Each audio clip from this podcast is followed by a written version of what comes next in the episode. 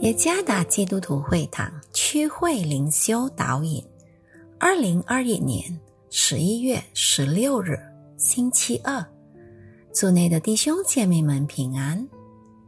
今天的灵修导引，我们将会借着圣经创世纪第四章第三到第五节来思想今天的主题，出自爱他的心而奉献。作者。万必恩传道，创世纪第四章第三节。有一日，该隐拿地里的出产为供物献给耶和华，亚伯也将他羊群中头生的和羊的脂油献上。耶和华看中了亚伯和他的供物，只是看不中。该隐和他的共物，该隐就大大的发怒，变了颜色。奉献与上帝随意就行了，上帝会接纳我们的奉献，照我们的本相。这就是从基督徒谈话中经常听到的话，理解为上帝按我们本相真实接纳我们。然而，作为一个已经从我们主基督领受到最伟大的爱的人，以随意的原则奉献是不合乎情理的。随意的原则表明了不尊敬上帝的心态。当盖隐向上帝献上燔祭时，他只是随意的做。圣经记载。该隐只献上他土地的一些出产。该隐那不敬畏上帝的心，使他忽略了如何献上燔祭。不敬畏上帝的心，就是不爱上帝的心。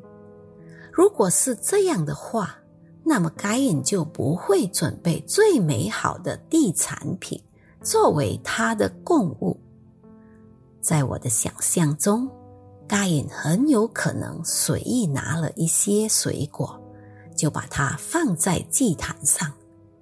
也许是未成熟或者开始腐烂的果汁，成为他在祭坛上的供物。亚伯却不同，圣经记载他将羊群中头生的羊献给上帝。关键在于爱神的心。从这里。我们终于找到了圣经里的经文，说上帝看中了亚伯和他的供物。参看第四节，该隐和亚伯献祭的故事，表明了上帝看中了亚伯以爱神的心所献上的燔祭，而该隐却不被上帝看中。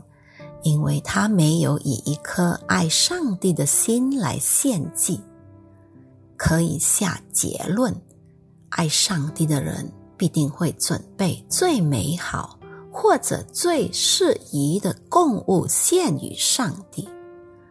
然而，那些不爱上帝的人将会随意准备一些随便以及不合宜的祭物来献与上帝。